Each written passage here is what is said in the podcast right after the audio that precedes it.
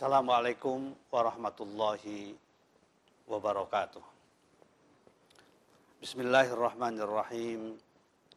Alhamdulillahi rabbil alamin. Wassalatu wassalamu ala ashrafil anbiya'i wal mursalin. Sayyidina Muhammad wa ala alihi wa sahbihi ajma'in wa la hawla wa la quwwata illa billahil aliyil azim. Jamaah kaum muslimin, kaum muslimat rahimakumullah. Alhamdulillah kita bersyukur pada Allah Subhanahu wa taala pada Ahad pagi ini tanggal 10 Safar 1442 Hijriah bertepatan dengan 27 September 2020 kita kembali dapat bersilaturahim dalam rangka meneruskan kajian tafsir kita pada pagi hari ini yaitu surat Sod ayat 48 sampai 54 silahkan dibuka surat Sod ayat 48 sampai dengan ayat 54 mari kita awali kajian tafsir kita dengan membaca Ummul Kitab الفاتحة. أعوذ بالله من الشيطان الرجيم. بسم الله الرحمن الرحيم. الحمد لله رب العالمين. الرحمن الرحيم. مالك يوم الدين. إياك نعبد وإياك نستعين. اهدنا الصراط المستقيم. صراط الذين أنعمت عليهم غير المغضوب عليهم ولا الضالين. آمين. بسم الله الرحمن الرحيم. واذكر إسماعيل واليسع وذا الكفل وكل من الأخيار. هذا ذكر وإن للمتقين لحسن مآب. جنات عدن مفتحة لهم الأبواب.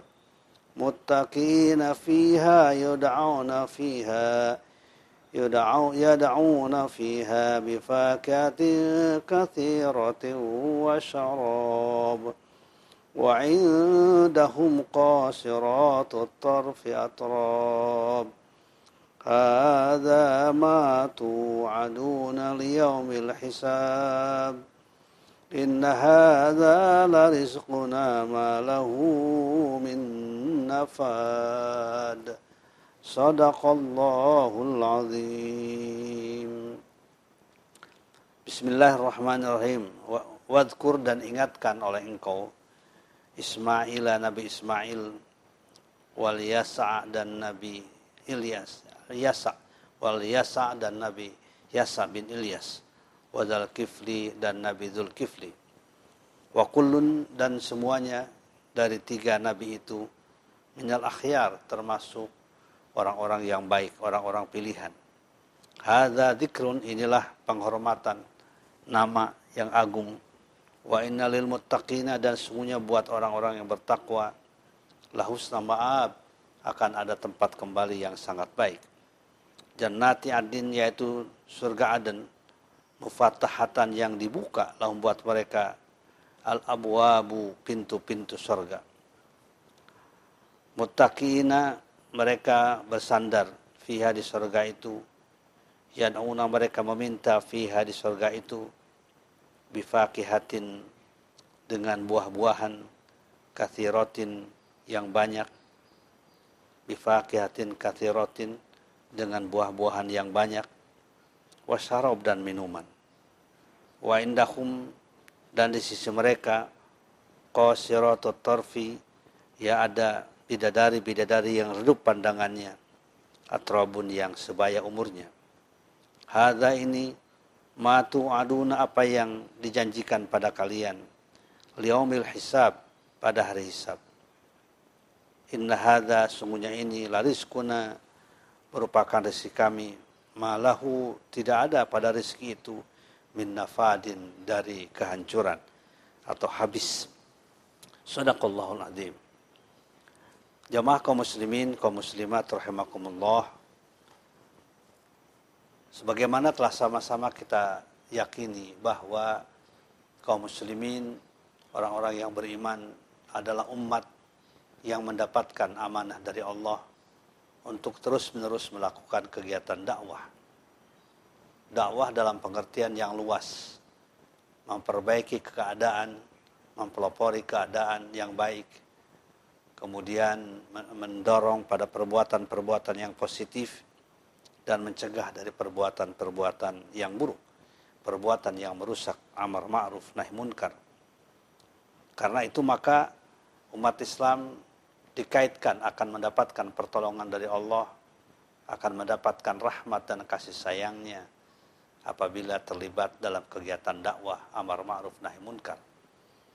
Allah Subhanahu wa taala berfirman misalnya pada surat Al-Hajj ya, surat ke-22 ayat 40, ayat 41, Al-Hajj ayat 40 dan 41 Allah menjelaskan dan menjanjikan walayan suranallahu mayyan suruh innallaha laqawiyyun aziz.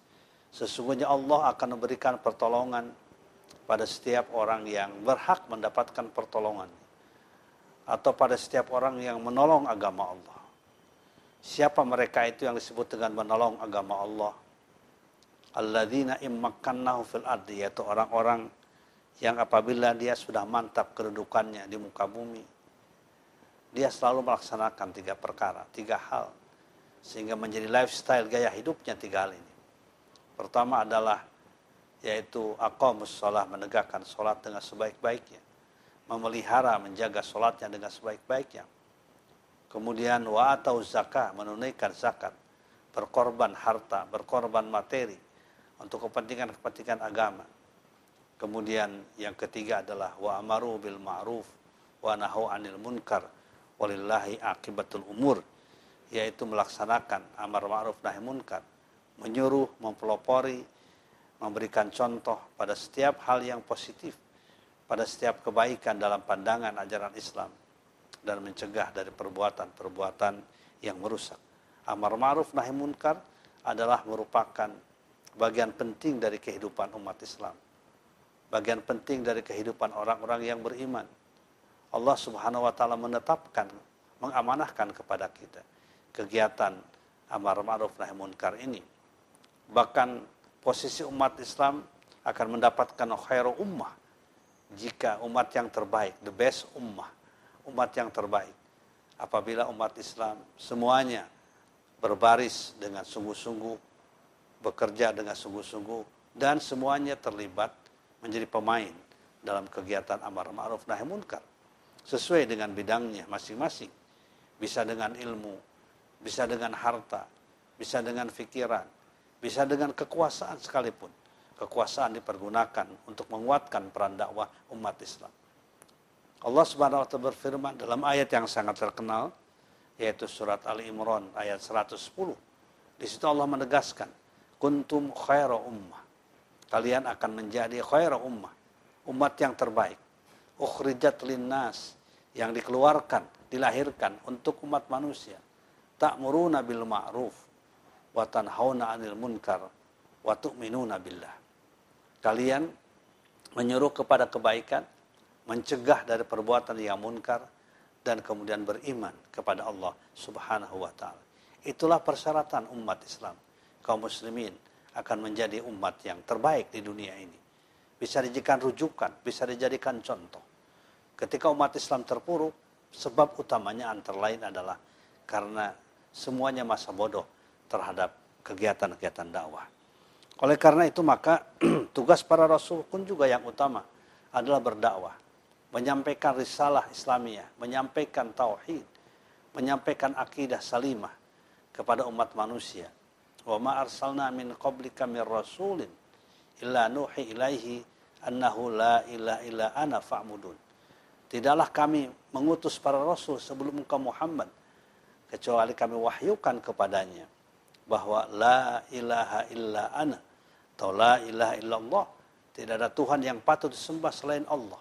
Fa'budun maka beribadalah kamu sekalian kepada Allah. Kepadaku kata Allah. Inilah tugas Rasul. Ya, tugas Rasul yang utama sejak dari Rasul yang pertama sampai dengan Rasul yang terakhir. Nah, di tengah-tengah para Rasul yang pertama yang terakhir, di situ adalah generasi kaderisasi. Kaderisasi pun juga dikerak di, di, di, di apa? dikaitkan dengan kegiatan dakwah. Para Rasul memiliki keturunan putra, ya ada yang jadi nabi, jadi Rasul, kemudian juga menjadi dai. Bergerak mereka semuanya dalam bidang dakwah. Demikian pula kaderisasi itu ada yang berasal dari keluarganya, dari saudaranya, dari kalangan-kalangan yang dekatnya dan lain sebagainya. Dan ini dinyatakan oleh Allah misalnya pada surat Al-An'am ya. Pada surat Al-An'am ayat 83 Allah menegaskan Al-An'am 83 ada semacam estafeta penugasan ya, penugasan untuk menjadi dai.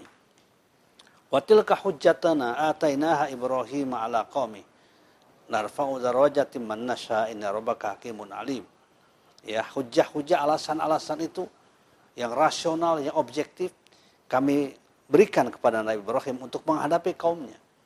Kami mengangkat derajat orang-orang yang kami kehendaki. Sungguhnya Tuhanmu hakimun alimun, maha bijaksana dan kemudian maha mengetahui. Wa wahabna lau ishaq wa yaqub kullan hadaina.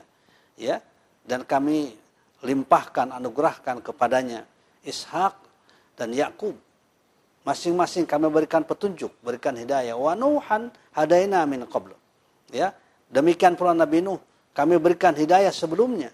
Wa min dzurriyyatihi dan juga dari keturunannya. Dawuda wa Sulaimana wa Ayyuba wa Yusufa wa Musa wa Harun wa kadzalika nazil muhsinin. Ini semuanya adalah keturunannya dari para nabi. Terus terjadi estafeta.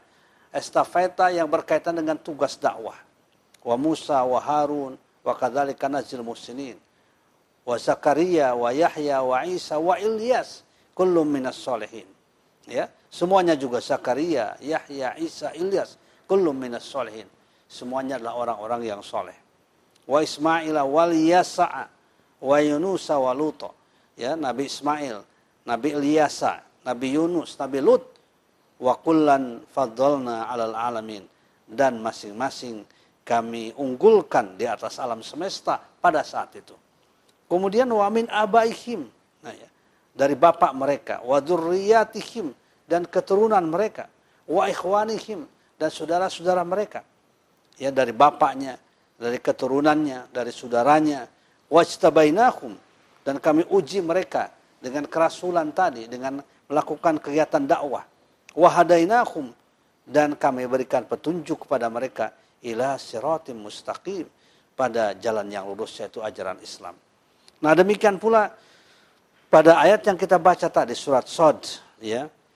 Pada ayat surat Sod ayat 48 disebutkan tiga orang nabi ya yang merupakan kaderisasi ya kaderisasi uh, di dalam melaksanakan tugas amar ma'ruf nahi munkar langsung dari keturunannya dari durriyahnya dari anaknya Ya. Jadi oleh karena itu maka kaderisasi ini bisa dari anak kita langsung masing-masing. Ya, dididik dengan baik, dengan pendidikan yang baik. Ya, dengan pendidikan keimanan yang kuat. Kepekaan sosial, tanggung jawab dan lain sebagainya. Ya, seperti tiga nabi ini yang diungkapkan dalam surat uh, Sod tadi, ya. Wa Ismail, Ilyasa dan Dzulkifli. Ya, wa Ismail wal Yasa wa Dal Kifli kullum minal akhyar. Dan kami jadikan tiga nabi ini. Kita tahu Nabi Ismail bin Ibrahim. Ya putra Nabi Ibrahim. Kemudian yang kedua Ilyasa bin Ilyas. Nabi Ilyasa putra Nabi Ilyas. Kemudian Kifli ya, Zulkifli putra Nabi Ayub. Semuanya menjadi dai, semuanya mengembangkan risalah dakwah. Ya, menyeru kepada umat manusia, mengajak pada kebaikan, mencegah pada kemunkaran. Semuanya melaksanakan amar, tugas amar ma'ruf nahi munkar dengan sebaik-baiknya. Oleh itu maka disebut kullum minal akhyar. Masing-masing para nabi itu minal akhyar. Termasuk orang-orang yang terpilih, orang-orang yang baik. Orang-orang yang punya tanggung jawab. Orang yang meneruskan risalah dakwah. Mencerahkan umat manusia. Mengajak kepada keimanan, ketauhidan. Minat zulumati ilan nur. Dari kegelapan, kekufuran. Ya, karena kekufuran itu menjadikan gelap. Hati tertutup, pandangan mata tertutup Demikian pula pendengaran tertutup, tidak mendengarkan kalimat hak. Ya kalimat dari Allah Subhanahu wa taala ila ila nur pada cahaya iman. Karena iman itu merupakan cahaya kehidupan. Orang yang punya keimanan, dia punya cahaya dalam hidupnya. Dia akan tahu jalan mana yang harus diikuti. Jalan mana yang tidak boleh diikuti. Karena keimanan kepada Allah subhanahu wa ta'ala akan melahirkan kesadaran untuk melihat jalan yang baik, jalan yang bermanfaat, jalan yang berguna. Tidak akan sembarangan orang yang beriman untuk melakukan suatu karena ada nur, ada cahaya dalam hatinya. Cahaya yang diberikan oleh Allah Subhanahu wa taala. Ya, cahaya yang diberikan dianugerahkan oleh Zat yang Maha Pengasih, Maha Penyayang. Sehingga matanya bercahaya melihat ya apa yang baik. Kemudian pendengarannya, telinganya mendengar apa yang baik dan kemudian matanya juga melihat apa yang baik yang harus dilakukan, yang bermanfaat dalam kehidupannya. Orang celaka itu kebanyakan adalah orang yang tidak mau berpikir dan tidak mau mendengar. Tertutup pendengarannya. Akal juga tertutup untuk memikirkan sesuatu yang baik, sesuatu yang benar. Di dalam surat Tabarok kita mengenal ya, bahwa ahli-ahli neraka nanti ketika ditanya apakah bagi mereka tidak datang para rasul, mereka akan menjawab. Ya, karena mereka e, menjadi ahli neraka itu karena tidak mau mendengar, tidak mau melihat, tidak mau berpikir. Wa qalu law kunna nasma'u aw naqilu ma kunna fi ashabis sair. Mereka berkata, "Lau kunna nasma'u." Kalau kita mau mendengar, mendengar, mendengar itu penting. Ya, kenapa disebut pertama mendengar? Karena memang fungsi alat yang pertama, panca indera yang diberikan oleh Allah sejak dari dalam rahim yang sudah berfungsi itu adalah alat pendengaran, alat untuk mendengar. Wa law kunna nasma'u. Ya, mereka berkata, kalau seandainya kami mendengar, au naqilu atau kami berpikir, ma kunna fi ashabis sair, maka kami tidak akan termasuk ke dalam kelompok orang-orang yang celaka yang menjadi ahli neraka. Nah itulah tugas para rasul. Ya, disampaikan semuanya. Misalnya oleh Nabi Ismail bin Ibrahim. Disampaikan oleh Nabi Ilyasa bin Ilyas. Disampaikan oleh Zulkifli, Nabi Zulkifli bin Ayub. Ya, yang terkenal karena kesabarannya, karena keikhlasannya, kesungguhannya. Ya, ketaatannya kepada Allah dan Rasulnya, ketaatan kepada perintah-perintah bapaknya. Ya, untuk diuji oleh Allah Subhanahu wa taala. Karena setiap nabi dan rasul itu pasti diuji oleh Allah Subhanahu wa taala. Makanya setiap orang beriman pun juga akan diuji dengan berbagai macam ujian. Itu adalah salah satu sunnah dalam kehidupan. Ya, tidak ada orang yang beriman tidak diuji, pasti diuji untuk melihat kekuatan keimanannya, kesabarannya, ya, keikhlasannya dalam melaksanakan ajaran Islam, dalam bertauhid kepada Allah Subhanahu wa taala. Makanya kemudian para nabi itu dengan putra-putranya dibawa pada kegiatan-kegiatan yang menggambarkan ketaatan, kepatuhan kepada Allah Subhanahu wa taala. Misalnya kita melihat dalam beberapa ayat misalnya tentang Nabi Ibrahim dengan Nabi Ismail. Ya, Nabi Ibrahim dengan Nabi Ismail ketika menegakkan apa bangunan landasan bangunan Ka'bah, maka mereka berdua menjadi pelopornya wa yarfa'u Ibrahimul qawa'ida minal baiti wa Ismail. Rabbana taqabbal minna innaka antas samiul alim. Ya. Ingatkan ketika menegakkan yarfa Ibrahim, Nabi Ibrahim al-qaida pada pundamen-pundamen Baitullah atau Ka'bah wa Ismail ya dan Nabi Ismail. Jadi Nabi Ismail diajak. Ya, diajak. Inilah barangkali pendidikan yang nyata, pendidikan dengan praktek ya bukan sekedar teori diajak yarfa'u Ibrahimul qaida minal baiti wa Ismail kemudian setelah melaksanakan pekerjaannya mereka berdoa kepada Allah Rabbana taqabbal minna innaka antas samiul alim. Ya Allah, terimalah amal perbuatan kami. Innaka sungguhnya engkau, anta engkau as-sami'u, zat yang maha mendengar. Al-alimu yang maha mengetahui. Ya. Jadi itu kemudian mereka berdoa juga. Ya, jadikan kami semuanya dua orang muslim. Demikian pula zuriyah kami, keturunan kami. Ya. Jadi ini artinya membawa keterlibatan anak kita ya terhadap perbuatan-perbuatan yang menggambarkan kebaikan, tanggung jawab masa depan. Demikian pula Nabi Daud dan Nabi Sulaiman ketika membangun Masjid Al-Aqsa. Karena setelah membangun Ka'bah, kemudian membangun uh, Masjid Haram, kemudian Masjid Aqsa dibangun oleh Nabi Daud dan Nabi Sulaiman. Demikian pula nabi-nabi yang lain. Ya, sebagai contoh kemudian diuji juga Nabi Ismail itu. Kecintaan kepada bapaknya, kepada ibunya, kepada keluarganya. Diuji dengan kecintaan yang bersifat absolut kepada Allah Subhanahu wa taala. Apa pun juga, termasuk Nabi Ibrahim. Diuji oleh Allah Subhanahu wa taala terkenal dengan peristiwa kurban, Idul Kurban yang kita sama-sama sudah mengetahui. Dalam surat As-Saff ya, surat As-Saff ayat ke berapa itu? 101 sampai 107 yang sudah kita pelajari. Ya, surat As-Saff ayat 101 sampai dengan 107. Di situ Allah menjelaskan bagaimana dinamikanya, ya, kecintaan bapaknya, ya, ketaatan anaknya. Tapi semuanya berujung pada ketaatan kepada perintah Allah Subhanahu wa taala. Kecintaan kepada keluarga bersifat relatif.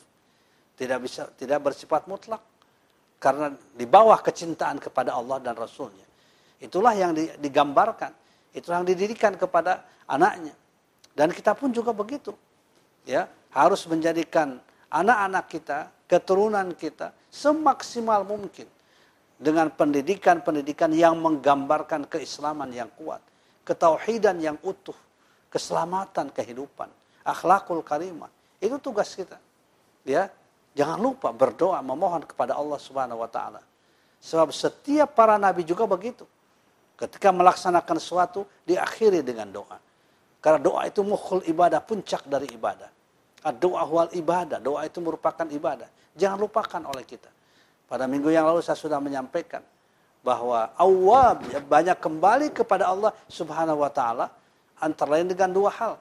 Kasratus sujud, ya, banyak sujud, banyak sholat, Wa kasratud doa. Dan banyak memohon kepada Allah subhanahu wa ta'ala. Kita memohon tawakal kepada Allah. Termasuk untuk keturunan kita. Ya, kita memohon anak keturunan kita meneruskan perjuangan kita, melaksanakan kegiatan amar ma'ruf nahi munkar. Bahkan Luqman dalam surat Luqman ya. Luqman juga salah satu nasihatnya kepada anaknya masih kecil. Masih dipanggil ya bunaya. Ya kira-kira usia berapa tahun itu ya? Ya bunaya, wahai anakku, akimis sholat. Tegakkan sholat. Mungkin usia 4 tahun, 5 tahun, atau 7 tahun. Ya akimis sholat. Tegakkan sholat. Tapi wa'mur bil ma'ruf wanha anil munkar. Jadi kesadaran untuk berdakwah, kesadaran terhadap ajaran agama sudah ditanamkan sejak dari kecil. Ya, sejak dari kecil. Wa'mur bil ma'rufi wanha anil munkar. Bayangkan itu pada anak-anak kita. Ya, wa'mur bil ma'ruf. Hendaknya Anda terlibat dalam menyuruh pada kebaikan. Wanha anil munkar dan mencegah dari perbuatan-perbuatan yang munkar. Wasbir ala ma'asoba. Ya, dan bersabarlah terhadap apa-apa yang akan terjadi pada diri Anda. Gara-gara melaksanakan amar ma'ruf nahi munkar. Ada resikonya, selalu ada resiko, ditanamkan betul. Tapi dengan keimanan yang kuat, kesabaran yang teruji, ya, kemukaan pula dedikasi kepada ajaran Islam yang luar biasa, keterlibatannya di dalam berdakwah, maka ketika mendapatkan ujian, dia akan memiliki kesabaran yang tinggi. Seperti Nabi Ismail ketika akan diuji disembelih misalnya ya, di, dia mengatakan satajuni insyaallah minas sabirin. Ya, ya, ya apa? Ya abad if'al ma tu'mar. Satajuni insyaallah minas sabirin Wahai Bapakku, if al umar kerjakan apa yang diperintahkan kepada engkau. Satajiduni minas sabirin. Kau akan menemukan aku termasuk dalam kelompok orang-orang yang sabar. Jadi jadi kita lihat ketahanan keluarga itu memang harus menjadi perhatian kita semuanya. Ketahanan keluarga dengan dibingkai oleh nilai-nilai Islam, nilai-nilai keimanan supaya anak kita pun keturunan kita masuk dalam barisan dakwah. Ya, jadi profesi apa pun juga. Ya, bukan sekedar untuk kepentingan pribadinya. Ya, akan tetapi juga ada untuk kepentingan umat, kepentingan masyarakat. Karena sebaik-baiknya manusia adalah orang yang bermanfaat pada orang lain. Khairun nas anfa'hum linnas. Ya, sebaik-baiknya manusia anfa'hum linnas. Yang paling bermanfaat kepada manusia. Jangan ditanamkan untuk untuk sendiri, jangan untuk kepentingan sendiri, tapi juga untuk kepentingan umat, untuk kepentingan bangsa, kepentingan masyarakat, lingkungan, ya supaya mereka anak-anak kita, keturunan kita punya kepekaan, kepekaan sosial, tanggung jawab sosial, dan itu ternyata lahir dari keluarga, ya lahir dari keluarga, lahir dari usrah, lahir dari ahli, ya. Dari ibu bapak yang memberikan contoh, mengajak pada kebaikan, dari saudara-saudaranya yang menyatu dalam barisan perjuangan. Ya, itulah dia keluarga muslim. Dan itulah yang dicontohkan oleh para nabi. Dan ini semuanya mereka semuanya yang berjuang di jalan Allah akan termasuk ke dalam golongan muttaqin ya dan muttaqin itulah yang akan mendapatkan husna ma'ab ya yaitu sebaik-baiknya pembalasan dari Allah Subhanahu wa taala jannatu adnin jannati adnin mufattahatin mufattahatan lahumul abwab ya yaitu nanti akan mendapatkan surga Aden yang dibukakan, ya, yang diwelkamkan lah, ya, buat mereka ahli surga. Allah buat pintu-pintunya, ya, di dalamnya mereka berduduk, ya, menikmati balasan yang luar biasa dari Allah Subhanahu Wa Taala. Jadi ini adalah kelompok orang mutakin itu lahir dari keluarga-keluarga yang baik. Yang keluarga-keluarga yang baik itu kemudian menjadi barisan-barisan dakwah. Ya, mereka akan mendapatkan kebahagiaan dunia dan kebahagiaan di akhirat kita harus mulai sadarkan diri kita dan anak-anak kita, keluarga kita, masyarakat kita bahwa kesuksesan ya keberhasilan seseorang ditentukan juga oleh sikapnya dalam berdakwah, sikapnya pada masyarakat. Bukan sekedar ditentukan oleh keberhasilannya dalam bidangnya masing-masing, tetapi sejauh mana bidang yang kita geluti, yang kita miliki punya keterkaitan dengan pembangunan masyarakat. Punya keterkaitan dengan perbaikan lingkungan. Ya, karena lingkungan itu harus kita perbaiki. Jangan kemudian kita dipengaruhi oleh lingkungan, tapi kita harus memperbaiki lingkungan. Ya. Kemudian jangan kemudian kita diombang-ambing oleh keadaan. Kitalah yang harus terlibat memperbaiki keadaan. Itulah orang yang beriman. Itulah umat Rasulullah sallallahu alaihi wasallam. Ya, itulah orang-orang yang bertanggung jawab dalam kehidupannya. Jangan kita sering menyalahkan lingkungan, ya, supaya lingkungan itu baik, lebih baik. Memang, tapi tugas kita memperbaikinya agar punya dampak yang positif terhadap kita juga. Ya, jangan kemudian dibiarkan masa bodoh. Karena Nabi memberikan contoh ya tentang amar ma'ruf nahi munkar ini dengan sesuatu menurut saya sangat indah. Ya, di dalam hadis diungkapkan. Beliau mengatakan begini. Ya. Ala kulli muslimin sodakoh setiap muslim dia harus bersodakoh. Wajib dia bersodakoh. Qalu ya Nabi Allah fa'ilam najid. Ya. Bagaimana kalau kami tidak punya apa-apa? Ya, kami tidak punya sesuatu apa pun yang bisa kami sodakohkan. Qala ya'malu biyadihi fayanfa'u nafsahu wa tasaddaq. Berbuatlah dengan tanganmu untuk diri kamu dan untuk orang lain. Kalau kami juga tidak mampu, qala yu'inu dzal hajil yaitu memberikan pertolongan apa pun juga kepada orang yang membutuhkan memberikan pertolongan ya kepada orang yang membutuhkan kalau kami juga tidak bisa tidak melakukannya fal ya'mur bil khairi aw bil ma'ruf ya maka hendaknya Anda menyuruh pada kebaikan ya menyuruh kebaikan fa lam yaf'al apabila tidak melakukan fal yumsik anis syarri maka hendaknya menahan diri dari perbuatan-perbuatan yang buruk fa innalahu sadaqah. Jadi kita diwajibkan sodako. Ternyata yang namanya sodako itu bukan sekedar di samping materi, tapi juga hal-hal yang lain, termasuk amar ma'ruf nahi munkar. Pada anak kita, pada keluarga kita, pada suami kita, pada istri kita, ya bangunlah oleh kita keluarga itu suasana keluarga, suasana dakwiyah ya, suasana dakwiyah, rumah tangga yang diikat oleh nilai-nilai dakwah, amar ma'ruf, nahi munkar. Nanti insya Allah akan menjadi keluarga yang uh, sakinah, mawaddah, warahmah, dan juga akan menjadi keluarga pejuang-pejuang yang memperjuangkan kebaikan, kebenaran, melaksanakan amar ma'ruf, nahi munkar. Mudah-mudahan keluarga kita semuanya termasuk ke dalam keluarga yang seperti dicontohkan oleh para nabi, keluarga-keluarga yang peka ya terhadap lingkungan, terhadap masyarakat yang bermanfaat, yang semuanya melaksanakan amar ma'ruf nahi munkar. Wallahu a'lam. Barangkali ada pertanyaan? Ya, pertanyaan minggu lalu. Iya. Pak Ibadul Rahman. Bismillah, izin bertanya Kiai, bagaimana sikap atau cara paling baik untuk memuliakan orang tua? Iya, di dalam Al-Quran kan banyak diungkapkan ya. Setelah ibadah kepada Allah, kita wajib ihsan pada kedua orang tua. Jangan mengatakan ah, misalnya jangan kasar. Ikuti segala nasihatnya, ya, yang baik, ya.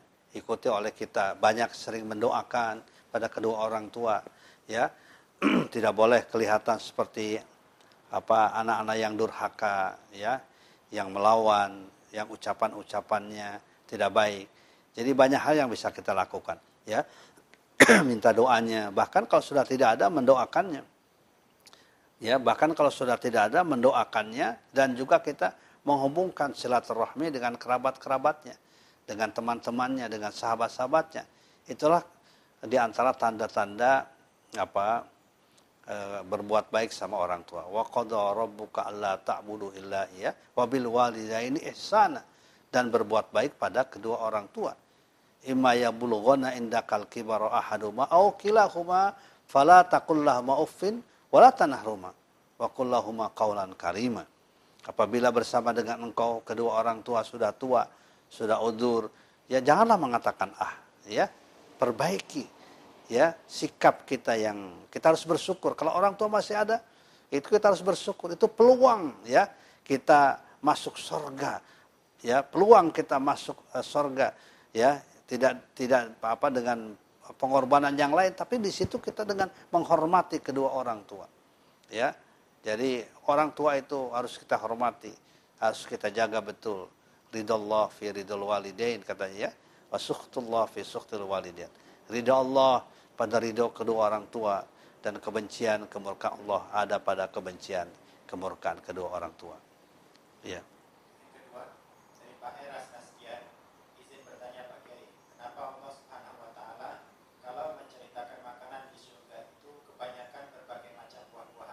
Ya. Nah, itu juga menjadi gambaran bagi kita. Buah-buahan itu kan apa ya? Eh, makanan yang yang bergizi, yang mengandung vitamin bermacam-macam. Ya. Dan kita kan diperintahkan ya, banyak makan buah-buahan. Bahkan kalau sebelum makan sarapan, itu sebaiknya kan diisi dulu dengan buah-buahan. Di sorga pun juga itu banyak buah-buahan. Di sorga itu menggambarkan ketenangan, keindahan, kesehatan, kebersihan. Salah satunya adalah makanan. Makanan yang tayyib itu adalah makanan yang berupa fakihah. Ya, fiha fakihatun kathiratun. Ya, di dalam surga itu banyak buah-buahan. Ya oleh karena itu kita pun juga harus banyak mengkonsumsi buah-buahan. Karena ternyata buah-buahan itu adalah makanan ahli dunia ya, dan makanan ahli surga insya Allah. Masih ada?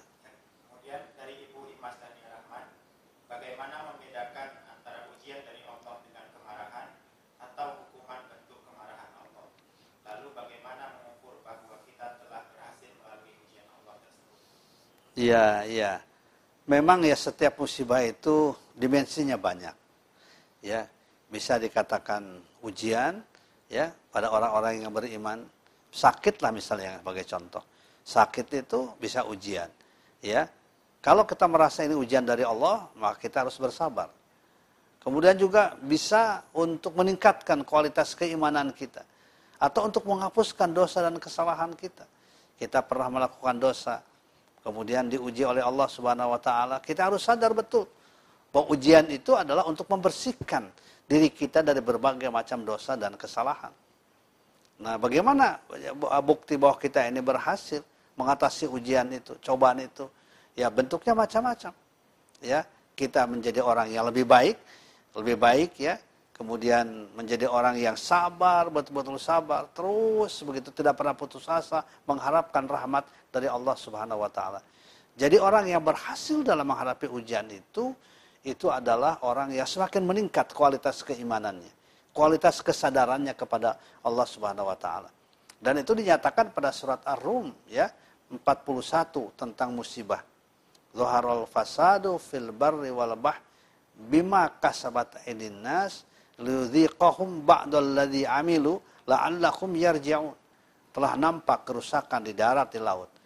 Ya, karena tangan-tangan manusia. Liudhiqahum ba'dalladzi amilu. Supaya Allah menimpakan kepada mereka ba'dalladzi amilu. Ya, sebagian dari pekerjaan yang dilakukannya yang buruk. La'allahum yarji'un ujungnya itu ya. Agar mereka kembali kepada Allah. Kembali menguatkan iman.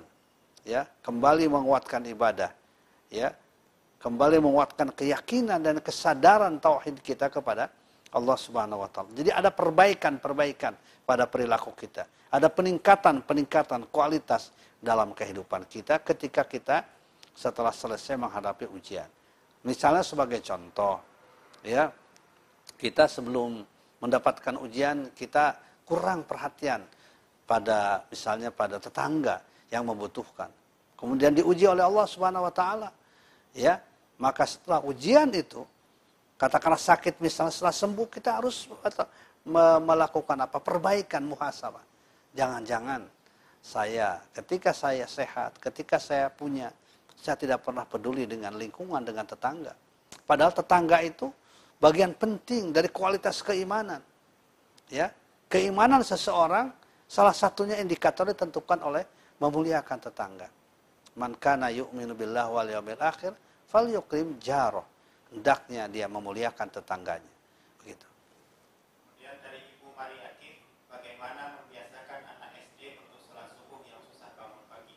Iya, anak namanya juga ya. Jangankan anak yang tua pun susah bangun pagi itu. Oleh karena itu maka perlu kita bangunkan, ya. Perlu kita bangunkan dengan cara yang baik. Ya, misalnya sebelum tidur dijanjikan nanti bangun ya subuh misalnya ya ya kemudian diberi hadiah ya berikan basyir busro hadiah itu tidak bisa dengan uang dengan kata-kata dipuji misalnya ya dibangunkan dengan cara yang baik diajak sholat subuh ya dan lain sebagainya. Pendeknya didiklah dengan pendidikan yang baik ya. Atau janda juga diberikan karena Nabi itu memberikan contoh dalam pendidikan itu empat hal. Pertama pemberian motivasi pada anak kita. Dijelaskan bangun subuh itu hikmahnya apa sholat subuh itu apa hikmahnya, manfaatnya, pemberian motivasi. Ya, supaya ada tumbuh semangat. Yang kedua adalah membiasakan. Nah, kebiasaan. Kalau anak-anak kita sudah biasa bangun subuh, insya Allah dia akan biasa terus. Ya, yang ketiga adalah dengan uswah, dengan dengan contoh-contoh yang baik dari orang tuanya. Jangan-jangan anaknya suruh bangun misalnya pagi tapi orang tuanya siang, jangan. Ya, karena itu pendidikan di dalam keluarga itu pendidikan contoh dari orang tuanya, ya. Kemudian yang terakhir memberikan reward and punishment, ya, memberikan hadiah dan kemudian juga sanksi, tapi dengan cara yang baik, sanksi yang mendidik. Ya, bukan sanksi yang kemudian menimbulkan kekerasan, bukan. Tapi sanksi reward and punishment yang banyak diuraikan oleh para ulama. Penting reward and punishment itu. Ya, memberikan pujian, memberikan hadiah bagi yang melakukan, kemudian juga memberikan punishment bagi mereka yang uh, ya sanksi ya bagi mereka yang tidak melakukan. Jadi empat itu metode pendidikan itu untuk anak itu. Pemberian motivasi, yang kedua pembiasaan, yang ketiga contoh dan suri tauladan, keteladanan, uswah, yang keempat adalah reward and punishment. Dari Pak Haji, Pak Faris Haji, bagaimana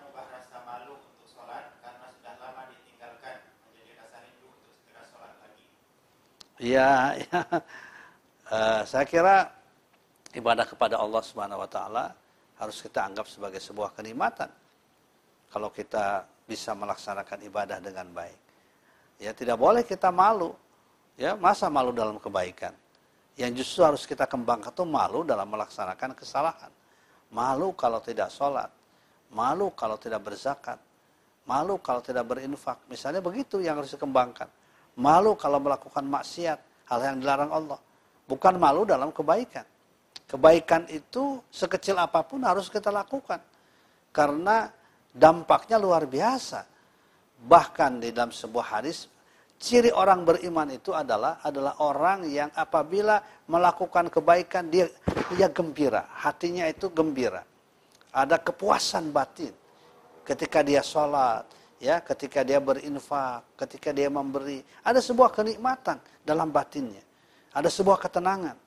Ya.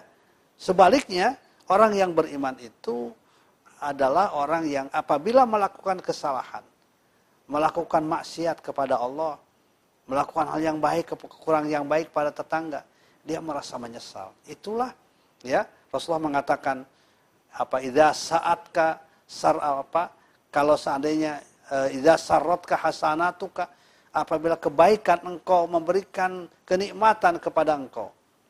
Wa saat kasayiatuka dan Anda merasa apa malu, merasa uh, galau ketika melakukan keburukan, fa anta mu'minun.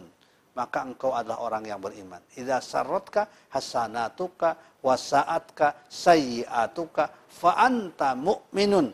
Maka engkau adalah orang yang beriman. Dari Pak Eri. Ustaz, mengapa sejak dulu orang yang menyerukan kebaikan, amar ma'ruf nahi munkar selalu dimusuhi? Apa ini bentuk ujian kepada yang bersangkutan? Nuhun Erik dari Jambi. Pak Erik ya. Ya memang selalu begitu ya. Ya. Tidak ada yang mulus dalam kebaikan itu. Apalagi dalam dakwah. Amar ma'ruf nahi munkar selalu ada resiko. Selalu ada resiko. Makanya tidak semua orang kan mau melaksanakan kegiatan amar ma'ruf nahi munkar kadang ada tantangannya. Kadang-kala dibenci, ya, kadang-kala di, dijauhi oleh yang lain. Ya, selama kita melaksanakan amar ma'ruf dengan tiga metode seperti digambarkan dalam Al-Qur'an, ya, ud'u ila sabili rabbika bil hikmah, dengan hikmah, dengan ilmu, ya, dengan dengan kebaikan, dengan kebijakan. Bahasanya tidak kasar, ya. Bahasanya adalah bahasa dakwah. Hikmah wal mau'izatil hasanah. Dan nasihat yang baik. Ya nasihat-nasihat yang baik. Yang menyentuh perasaan menyentuh emosi. Ya kemudian wajadilhum billati ahsan. Dan kalaupun bermujadalah berdiskusi dengan cara yang baik maka ketika orang ya memusuhi kita tidak menjadi masalah. Ya karena memang tugas kita hanya menyampaikan. Tugas kita hanya mengajak. Sedangkan apakah dia menerima atau tidak menerima itu bukan tugas kita, diserahkan kepada Allah Subhanahu wa taala. Islam itu agama yang menekankan pada proses, pada cara, pada amaliyahnya, bukan menekankan pada hasilnya. Para nabi itu bermacam-macam itu. Ya, umatnya ada yang sedikit model Nabi Nuh. Bukan berarti gagal dalam berdakwah. Ya, tapi menggambarkan bahwa berdakwah itu perbuatan yang susah, perbuatan yang berat, sekaligus juga perbuatan yang mulia. Ya memang yang sesuatu yang mulia kan pasti berat. Kita aja pribadi kita.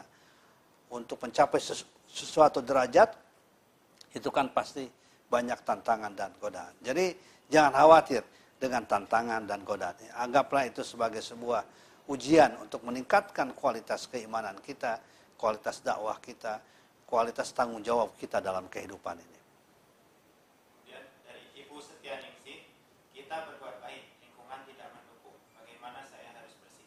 Terus ya berbuat baik ya. Jangan bosan karena lingkungan kurang mendukung. Mungkin dengan cara yang baik ya. Kebaikan-kebaikan itu selalu diawali dengan kesulitan.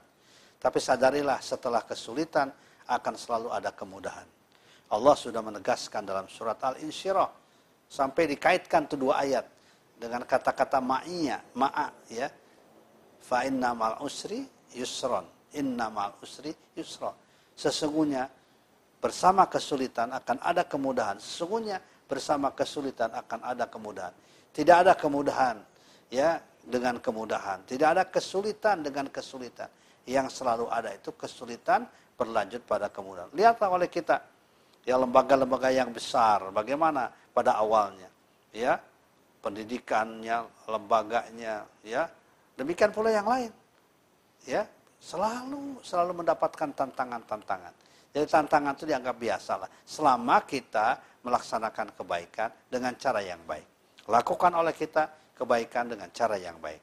Jangan melakukan kebaikan dengan cara yang tidak baik. Ya, itulah dia prinsip di dalam kehidupan kita. Dari Pak Arifin Sulaiman. Assalamualaikum Ustaz. Surah Waqiah ada ayat ada ayat-ayat yang janji Allah untuk muslimin. Hmm. Bagaimana bagi muslimah? Ya sama sebenarnya kan. Kan di dalam surat apa? Di dalam surat Al-Waqiah ini dijelaskan ada tiga kelompok ya. Yaitu pertama adalah as-sabiqun al-awwalun ya, orang-orang yang wa kuntum azwajan selasah ya.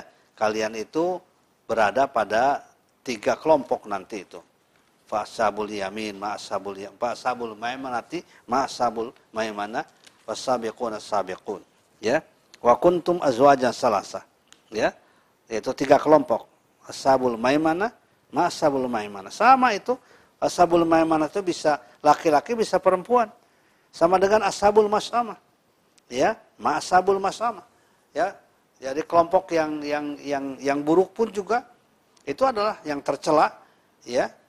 Kemudian jadi ashabul maimana, ashabul mas'amah, wasabiqun asabiqun. Itu semuanya bisa laki-laki, bisa perempuan. Ya, tidak dipisahkan dalam Islam, muslim maupun muslimah. Cuman bahasanya kadangkala eh, apa bahasa yang menggambarkan apa ya laki-laki. Tapi bukan berarti hanya untuk laki-laki. Seperti kata-kata amanu ya kutiba alaikumusiyam ya ayyuhalladzina amanu kutiba ya itu termasuk laki-laki termasuk perempuan ya. Jadi ketika dikemukakan dalam Al-Qur'an dalam bahasa muzakkar namanya bukan hanya berarti untuk laki-laki tapi juga termasuk dalamnya untuk perempuan Kemudian Pak Yoyo Suprayogi, Hmm. apakah Ustaz, apakah boleh kita menarik uang infak dari anak-anak yang kita ajarkan mengaji? Mohon penjelasannya. Syukron. boleh saja kalau apa kalau diperlukan dibutuhkan silahkan untuk keperluan misalnya ya untuk perlengkapan silahkan saja ya untuk apa kesejahteraan para gurunya silahkan karena memang tidak tidak apa tidak apa tidak tidak, tidak ada masalah dengan hal yang demikian. Kalau dibutuhkan ya dibutuhkan untuk para gurunya supaya tetap istiqomah ya mereka juga perlu transportasi tidak ada masalah ya untuk kebaikan-kebaikan itu Akhir dari Pak Eka Cita Saputra, Ustaz, metode seperti apa yang paling baik untuk mengajak orang kaya agnia untuk senantiasa menyalurkan ziskof mereka? Apakah harus ada treatment khusus? Syukron jazakallah.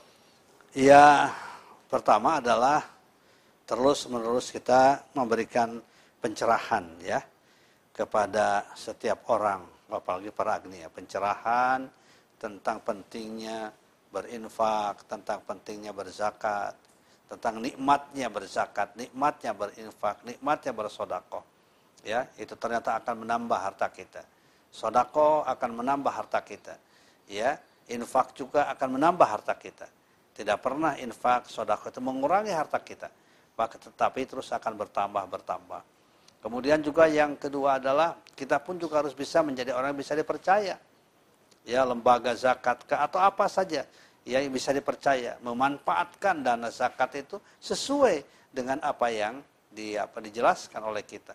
Infak juga begitu, sodakoh kita juga. Bukan untuk kepentingan pribadi, tapi untuk kepe- kepentingan pembangunan umat. Itu diperlukan dana-dana yang berasal dari para agnia. Saya kira para agnia yang memanfaatkan hartanya untuk kebaikan adalah termasuk ke dalam kelompok orang yang akan mendapatkan ridho dari Allah Subhanahu wa taala. Demikian mudah-mudahan bagi jamaah yang sedang menderita sakit mudah-mudahan disembuhkan oleh Allah Subhanahu wa taala dan Allah akan menjaga dan memelihara kita dari berbagai macam musibah-musibah. Demikian dan kita akhiri dengan baca doa kifarat majlis. Bismillahirrahmanirrahim. Subhanakallahumma wa bihamdika asyhadu an la ilaha illa anta astaghfiruka wa atubu ilaih. Walhamdulillah rabbil alamin. Assalamualaikum warahmatullahi wabarakatuh.